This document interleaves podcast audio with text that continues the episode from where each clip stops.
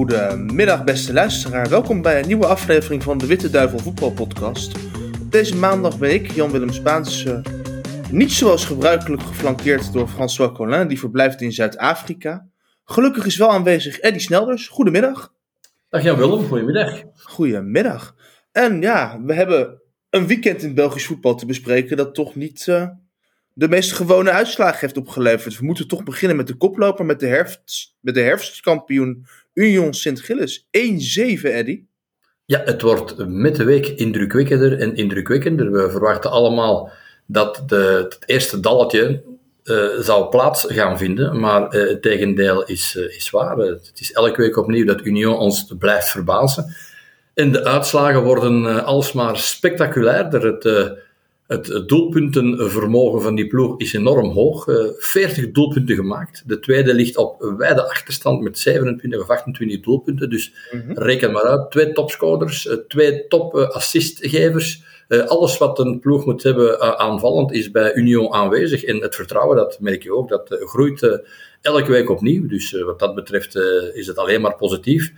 En eigenlijk nu al zou je moeten hopen dat Union al, al zeker in die play-offs zal meedoen. En dat gaat meer en meer realiteit worden. En niet alleen dat, maar je hoopt nu ook al geleidelijk aan, gezien het spel dat ze ook op de grasmat leggen, dat ze zelfs serieuze kandidaat zouden zijn om, om met Club Brugge, dat blijft dan altijd bij de challenge zelfs voor de titel. -hmm.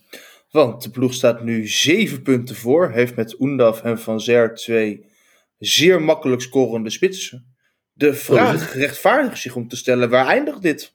Ja, dat, dat is moeilijk. Hè? Je bent altijd een beetje, een beetje bang om te, te optimistisch te zijn. Er zijn alle ploegen geweest in het verleden die uiteraard een heel goed parcours aflegden, maar dan toch eens een diepje krijgen. Dit jaar hebben we dat bijvoorbeeld ook al met Eupen meegemaakt, waren ook geweldig gestart. Maar het diepje is er. Verleden jaar hadden we OHL en hadden we ook Beerschot, die een, een enorme goede start maakten.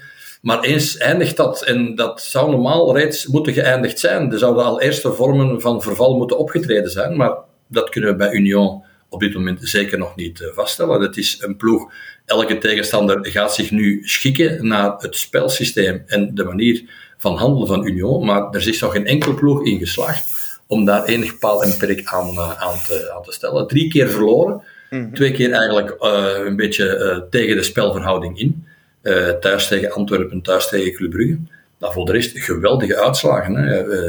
Verleden week nog een, een vier of vijf doelpunten tegen Charleroi. Nu zeven doelpunten in Oostende. Mm -hmm. En alle uitslagen zijn altijd heel spectaculair. Dus ja, het motto van we gaan er vol voor en we proberen één doelpunt meer te maken dan de tegenstander, dat lijkt mij bij Union op dit moment iets dat ze in het hoofd hebben en dat ook nog altijd gerealiseerd wordt. Maar, maar je naast moet wel de aanvallende kwaliteit, ze hebben ook de minste tegengoals in eerste klasse. Ja, ja dat denk ik wel samen natuurlijk. Als je veel op de helft van de tegenstander speelt, dan krijg je over het algemeen minder en minder doelpunten tegen. Maar je moet maar eens kijken, de doelpuntenverhouding, ik geloof dat zij op dit moment op uh, plus 26 of zoiets staan. Ja, ja, ja. Ter, terwijl dat de tweede toch al een heel eind achter is. Hè. Ik denk op plus 8 of plus 9. Antwerpen dus, plus 8, ja, ja. ja, plus 8. Dus uh, wat dat betreft zie je dus duidelijk dat, uh, dat, uh, ja, dat Union er ver bovenuit steekt. Alleen spijtig voor Union, en daar blijf ik bij, dat is nu dit jaar spijtig voor Union. Er zijn jaren geweest dat er andere ploegen waren die ook dominant waren, zoals uh, Brugge bijvoorbeeld verleden jaar. Ja, je punten worden op het laatste natuurlijk wel ja. niet beloond, alleen maar door twee gedeeld. En dat systeem is in België toch altijd nog vooral voor degene die daar helemaal op kop staan, toch wel een, een vervelende situatie. Want je kan natuurlijk altijd een dip krijgen. Hè. Union zit nu 15 speeldagen verder, heeft dat nog niet gehad.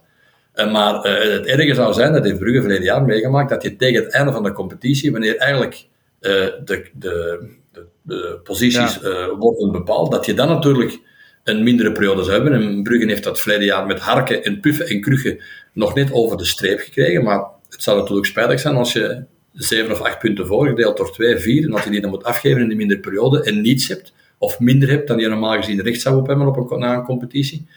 Dat blijven altijd vreemde en vervelende toestanden, dat zeker en vast. Mm -hmm. Van Brugge gesproken, die hebben geen goede beurt gemaakt op het veld van KV Mechelen. Nee, een slechte beurt nu natuurlijk zo. Het is zo, op KV Mechelen gaan verliezen op dit moment. Uh, ik moet zeggen, de laatste dreun die KV Mechelen heeft gehad, dat was ergens in september op Anderlecht. Dat was het absolute dieptepunt.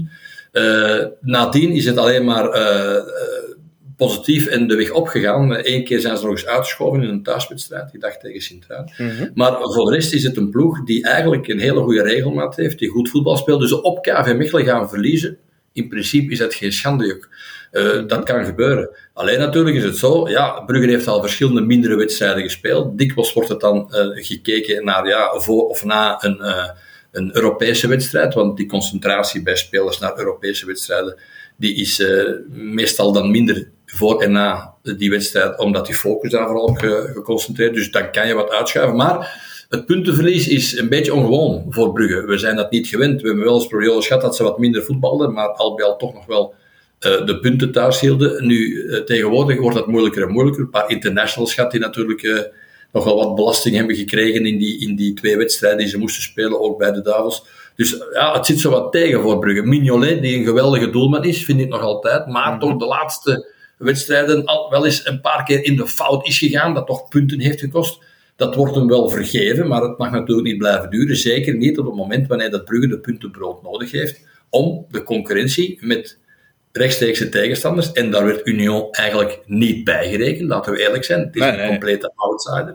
Dus met de rechtstreekse tegenstanders, natuurlijk is het dat de bedoeling van je puntenverlies te beperken en nog altijd daar bovenaan te staan. En dit zint Brugge uiteraard niet, dat er een ploeg is die geen fouten maakt en die uiteraard op dit moment een comfortabele voorsprong heeft. 18 punten heeft Club al ingeleverd. 27 of 45 hebben ze. Dat is ongekend slecht eigenlijk. Dat is, dat is, heel slecht, ja. Dat zijn we van Brugge niet gewend. De laatste jaren was er heel veel regelmaat. Er zijn wel momenten geweest dat Brugge ook minder speelde, zelfs in de competitie, maar dan toch nog de lange laatste uh, het, uh, het, het, naar zich toe trok. Verleden jaar gezegd, ja, dat is puntenverlies, maar dat is vooral corona, want Brugge thuis zonder publiek dat is helemaal anders. Die twaalfde man is weg, die druk op die scheidsrechter is weg, ook de tegensteven wordt minder geïntimideerd. Dus ja, die speelt frank en vrij, waardoor dat het moeilijker is om de punten thuis te houden. Goed, maar dit jaar zit je wel niet in die situaties. En laten we eerlijk zijn, er zijn ook wedstrijden geweest, zoals thuis tegen KV Kortrijk, nog niet zo lang geleden, dat het laatste minuut eigenlijk een penalty had gefloten moeten worden, maar zelfs de VAR na 44 herhalingen het nog niet zag waar dat het juist was, terwijl dat het heel duidelijk was. Dus het is niet altijd zo dat Brugge benadeeld is geweest in die situatie. Alleen ja, ze krijgen de machine moeilijk op gang. Maar, oké, ik zeg het nogmaals, er is altijd een excuus en dat is de Europese competitie. Mhm. Maar die wordt nu ook voor Brugge heel belangrijk, want ja, uh, dat is, een, is het, een cruciale afspraak. Ja, ja, zeker door dat puntengewin van, uh, van Leipzig tegen PSG in de laatste minuut, ja, wordt het nu echt cruciaal. En niemand kan garanderen, niemand kan garanderen dat Brugge uh, zomaar zeker is van één of drie punten gewin uh, volgende week woensdag. Dus het zou wel eens kunnen in het doemscenario, en dat hopen we zeker niet, voor Brugge. Want wij hebben graag dat Brugge Europees promotie maakt en zo lang mogelijk verder gaat. Zou het wel eens kunnen dat je een schitterende campagne, toch zeker schitterend begonnen, mm. twee optaters tegen City, en dan dat je tegenstanders onverwacht punten haalt, dat je toch nog te lange laatst de duimen zou moeten leggen. Dus dat doemscenario, daar willen ze in Brugge, en wij ook niet trouwens, willen we eigenlijk niet aan. Want Club Brugge moet vooral zorgen dat het niet verliest. Want met een gelijkspel is het in ieder geval zeker van voetbal in de Europa League. Zo is het, maar dat is natuurlijk een, een moeilijkheid. Dan moet je hinken op twee gedachten. Ik heb Leipzig uh, bezig gezien tegen Dortmund uh, twee weken mhm. geleden. Ik moet zeggen, dan ben je niet zo zeker. Ga je op een punt spelen? In principe, Clement doet dat niet. Clement gaat altijd voor de overwinning. Mhm. Maar ja, goed, oké. Je moet, je, je, moet je, je mensen, je mannen wel meekrijgen natuurlijk. Je mankrachten moeten daar eh, scherp genoeg voor zijn en moeten daar ook uh, de nodige, nodige inzet en, en wil tegenover stellen. Dat was zeker aanwezig in die eerste wedstrijden, want uh, vooral in Leipzig vond ik Brugge uitmuntend spelen. Dat is misschien wel de beste wedstrijd ooit uit hun Europese campagne. Maar oké, dan spreken we wederom van, van anderhalf à twee maanden geleden. Dus de situatie op dit moment is natuurlijk wederom anders. Mhm. Nog een ploeg met een belangrijke Europese wedstrijd heeft ook een slechte voorbereiding gekend. Racing Genk verloor zondagavond bij hekkensluiter Beerschot. Is Beerschot weer helemaal terug? Beerschot heeft terug aansluiting natuurlijk bij de Gratie van Zulte Waregem en van Cerkelbrugge, die ook in principe heel weinig punten halen. Dus ik denk dat uh, is nog iets anders. Serijn heeft wat diep gehad, maar die zijn er uh, bij momenten terug bovenop. Dus die winnen op het juiste moment om niet echt in het, uh, in het uh, sukkelstraatje te geraken. Maar de andere twee zijn natuurlijk ploegen die ook weinig punten halen. Ja, dan weet je sowieso op een zeker moment, Beerschot, nu is het tegen Genk, maar Beerschot gaat misschien ooit wel eens punten halen. Ik heb de indruk dat er terug wat meer rust is na de eerste overwinning. In Kortrijk, goed, is er ook nog een punt gehaald. Dat is wat onverwacht, want het was niet zo vanzelfsprekend. En nu tegen Genk, heel onverwacht. Uh, Genk, uh, ik denk dat het een beetje het zwarte beest is uh, van Genk, want verleden jaar is daar ook hun, een van hun vorige trainers gesneuveld met de nederlaag en met een ontslag. En nu opnieuw. Van den Brom had het heel moeilijk, heeft een betere periode gekend. En op het moment dat hij dacht na de beker, de, of de overwinning in de, in de bekerwedstrijd, dat hij dacht van, nu zijn we terug helemaal. Goede wedstrijd thuis tegen West Ham. We zijn op de goede weg. Ja, krijg je een puntenverlies tegen Cercle Brugge thuis, onverwacht. En nu zeker vast. Dus LBL tegen de twee laatsten, al het Racing Genk 1 op 6. Ja, dat is natuurlijk veel te weinig als je zeker en vast met de kwaliteiten die Genk heeft en de ambitie die Genk heeft, dat wil zeggen challengen voor de titel, mhm. dan ben je daar natuurlijk wel eventjes van verwijderd. En er is al een eerste uh, crisis, met tussen aanhalingstekens geweest door, met het ontslag van de Nederlandse hulptrainer. Mhm. Dus ja, Genk is ook onrustig op dit moment. Deze nederlagen komen heel ongelegen. Mhm. En je moet nu nog donderdag voor een wedstrijd gaan spelen, alles of niets. Voor, uh, ja. Ja, voor een soort overleving in die uh, Europa League. Dus ja, de druk is heel groot. En ik denk, ja, ook voor Van den Bron natuurlijk. Hè. Ik heb hem gisteren nog na de wedstrijd gehoord. Uh, dat hij zegt, ja, we waren heel veel goede punten. Maar na een nederlaag, ja, dan tellen die goede punten niet. Nee. Zo is het inderdaad. Dat is nu helemaal een bestuur, er, is nu, zijn nu helemaal supporters. Uh, het, al bij al zal het het resultaat zijn dat gaat bepalen of dat iedereen uh, tevreden is, ja of nee. En dat is op dit moment bij Racing Genk, hoe raar dat ook klinkt, uh, niet het geval. Dus die druk wordt ook wel wat groter, ja. Zeker, als je ziet dat ze daarna twee keer thuis spelen tegen Club Brugge. Dan uitwedstrijd op KV Mechelen dat het zo goed doet. En vervolgens de beslissende Europa League wedstrijd tegen Genk. En daarna nog uit naar AA Gent. Het wordt een ja, ja, behoorlijk pittig parcours. Dat is een pittig parcours. En dus uh, met het nieuwjaar, of uh, in de maand januari, gaat er al heel, wel, heel veel waarheid geschreven zijn voor Racing Genk. Maar ik weet natuurlijk dat ze daar, zeker vanuit de bestuurskamer, al, uh, al op de type van de tenen hebben gelopen. Ze, ze, hebben de, de traditie om nogal snel in te grijpen, snel zenuwachtig te worden. Mm -hmm. Dus ja, die doet er daar natuurlijk allemaal geen goed aan. Dus het, het zal best zijn voor Van der Brom dat hij de volgende twee wedstrijden toch positief afsluit. Dan kunnen we het hebben over Anderlecht, dat opnieuw niet won. Nu één wedstrijd gewonnen in de laatste zeven competitiewedstrijden. Um, dat begint er toch ook hopeloos uit te zien. Twaalf punten achter de stadgenoot.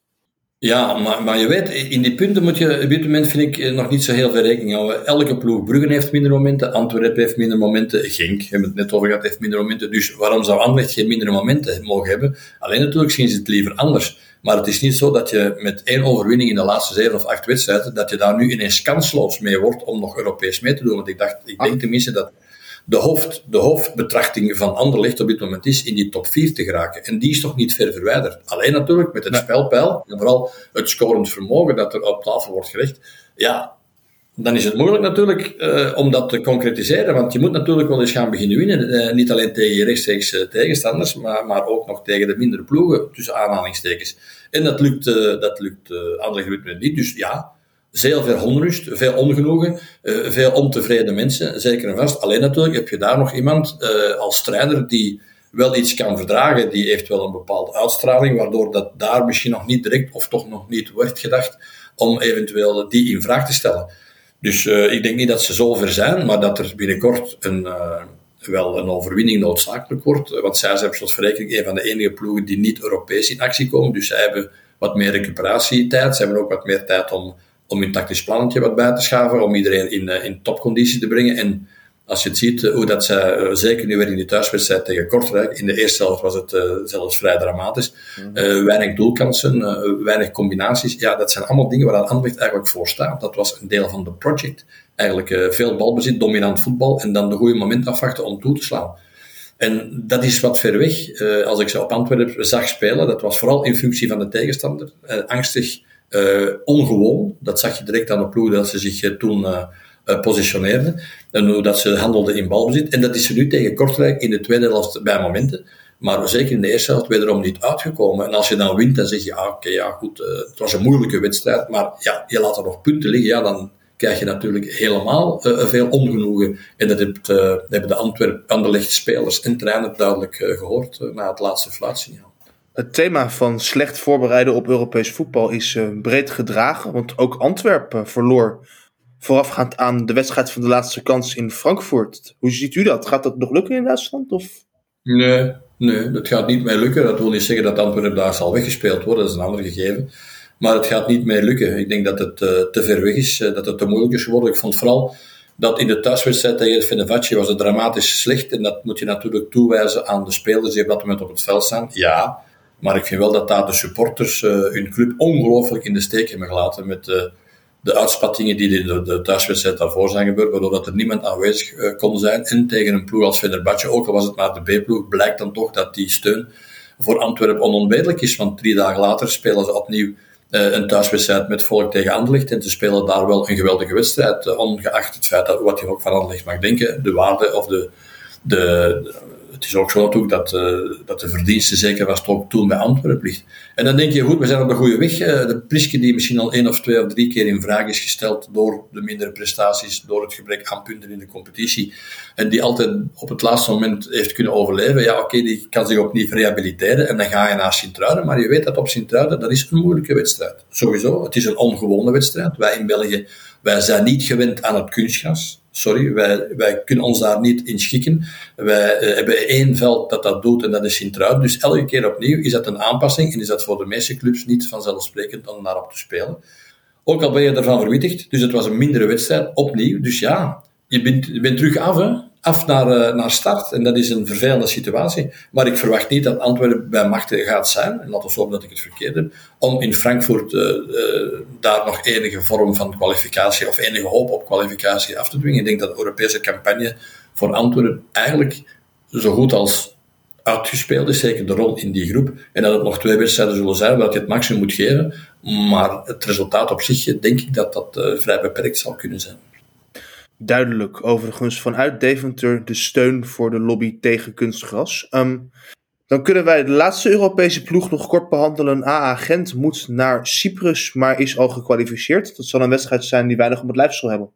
Ja, inderdaad. En dat is de verdienste van Gent, omdat zij in hun groep eigenlijk uh, geen misstappen hebben gedaan. Uh, Gent is heel moeilijk aan het seizoen begonnen. Sowieso. En het is ook verleden jaar moeilijk genoeg. Dus alle ogen zijn, waren of zijn nog altijd op hem van Hazenbroek gericht. Omdat iedereen ervan van uitgaat dat hij een van de enige mensen is die in een moeilijk klimaat, want het, Gent is een moeilijk klimaat, zowel wat verhouding eh, tussen spelers als verhouding tussen spelers en bestuur is, om daarin te, uh, te gedogen en om dat naar een bepaalde richting te duwen. Hij is daar bekwaam toe en heeft dat ook al bewezen. Speelde ook dit jaar na een moeilijke start het beste voetbal.